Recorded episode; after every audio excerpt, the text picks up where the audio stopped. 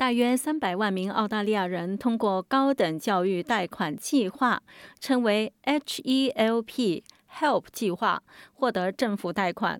如果您正在接受高等教育，您也有可能有资格推迟支付课程的费用，直到您找到工作。下面请听报道。在澳大利亚就读高等教育的时候，您需要为课程做出付款安排。一些学生可以提前支付课程费用以避免债务，但是大多数学生选择政府贷款来支付学费。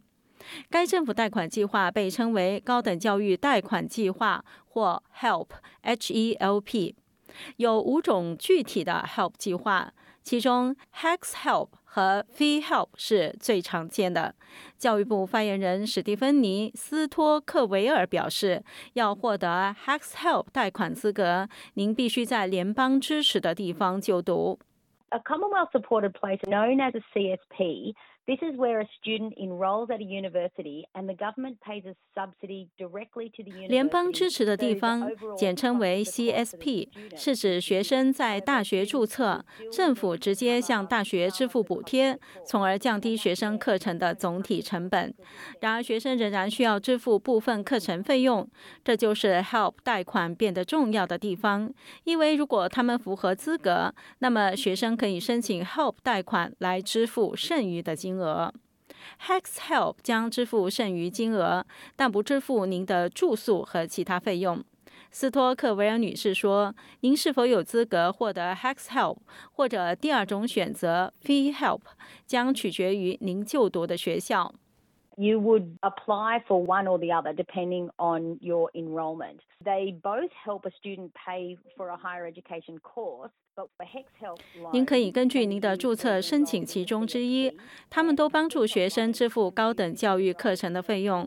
但是 Hex Help 贷款可以在您注册 CSP 的情况下使用，而 Fee Help 贷款可以在您注册全额付费的情况下使用。这是澳大利亚一所大学的非补贴的地方。Hex Help 和 Fee Help 的好处是学生不必提前支付课程费用。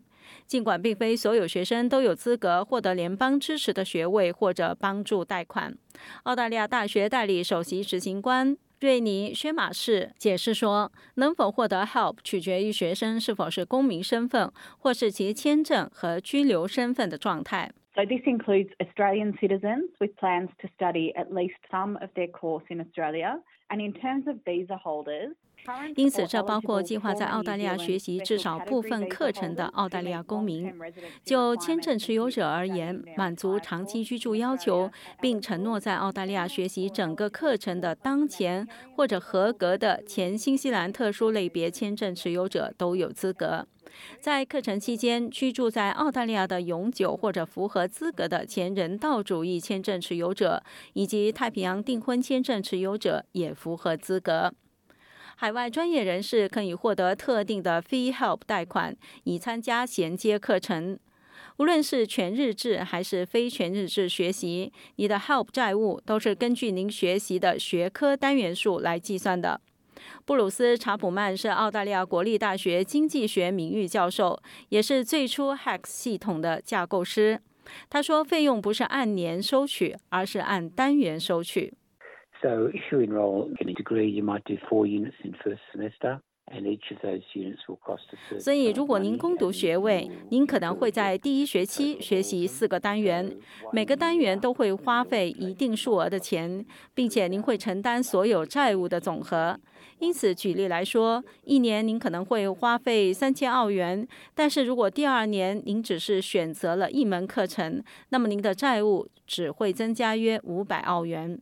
您学习的单元越多，您的帮助债务中添加的金额就越多。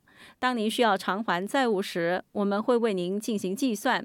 在您找到工作之前，您的债务不会受到影响。当您的雇主从您每次支付的工资中预扣所得税时，他们会预扣一点额外费用来偿还你的 HELP 债务。但是查普曼教授说，只有当您的年收入达到一定水平时，这种情况才会发生。Currently, that level is fifty-two thousand dollars a year, and then you'll pay a percentage of your income to repay the debt. 目前这个水平是每年五万两千澳元，然后您将支付收入的一定比例来偿还债务，起价是百分之一。因此，举例来说，如果您欠下三万澳元的债务，这并不罕见，并且您直到五年后才开始工作，那么什么也不会发生。当您赚到五万两千澳元时，百分之一及五百二十澳元将从您的债务中扣除，直到债务还清。偿还 HELP 债务的能力取决于您的收入，而我们知道每个人的收入都不同，这意味着每个拥有 HELP 贷款的人都有独特的债务和还款安排。正如查普曼教授指出的那样，这与银行贷款不同。Bank loan, everybody has to pay a particular amount of money every month, and it's interest rate adjustments. 通过银行贷款，每个人每月都必须支付一定数额的资金及其利率调整，而且需要多长时间都是非常清楚的。对于 HEX 债务，如果收入非常高，一些人会在大约五年内偿还，而有些人直到离开劳动力市场才会还清。所以债务非常多样化，但偿还平均债务的中位时时间是十年左右。但是如果您离开这个国家，会发生什么？如果您长期居住在海外，您的债务不会消失，政府仍必须向澳大利亚学生收回债务。If you go overseas for some period, no, it's not a short-term thing. It's not not a holiday. 如果你出国一段时间，但不是短期，也不是假期，那么法律要求您做出一份声明，就是你无论身在何处所赚取的收入的正式记录。然后 HEX 规则将适用，并且您所欠的金额与您在澳大利亚偿还的方式相同。学生可以累积的债务金额是有限的，这些都列在政府 Study Assist 网站上。尽管在达到收入门槛之前，你不需要开始偿还债务，但重要的是要注意您的债务可能会增加。斯蒂芬妮·斯托克维尔警告说，这是因为任何未偿还的 HELP 债务每年都会被指数化。这是为了跟上生活成本的变化，这意味着帮助债务会随着时间的推移而增加。适用于债务的指数化率每年都会变化，因为它基于消费者价格指数。查普曼教授强调，HELP 计划有一个与海外学生贷款计划不同的特别重要的特点。由于偿还贷款取决于您的收入，因此如果您遇到财务困难，您可以免受追债。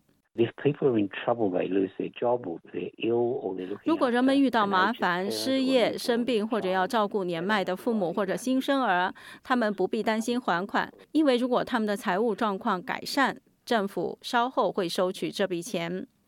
瑞尼·薛马士说：“如果你有资格获得 HEX Help 或者 Fee Help 贷款，则只需在课程期间申请一次。申请的过程很简单。”